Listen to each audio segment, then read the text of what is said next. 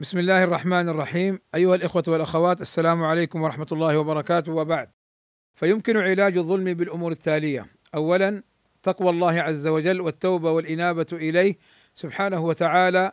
قال النبي صلى الله عليه وسلم لأبي ذر اتق الله حيثما كنت وأتبع السيئة الحسنة تمحوها وخالق الناس بخلق حسن. وثانيا التواضع. قال صلى الله عليه وسلم إن الله أوحى إلي أن تواضعوا.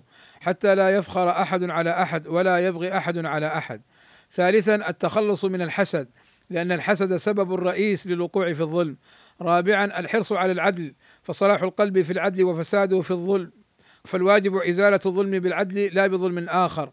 خامسا معرفة ما جاء في القرآن والسنة من الترهيب من الظلم والترغيب في العدل. سادسا التوجه إلى الله بالدعاء الصادق أن يخلصه من الوقوع في الظلم.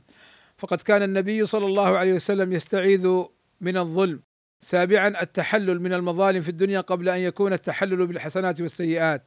ثامنا محاسبة النفس في أقوالها وأعمالها ونواياها والحذر من الوقوع في الظلم. تاسعا محاولة إزالة الظلم وعند العجز عن إزالته فيقلل.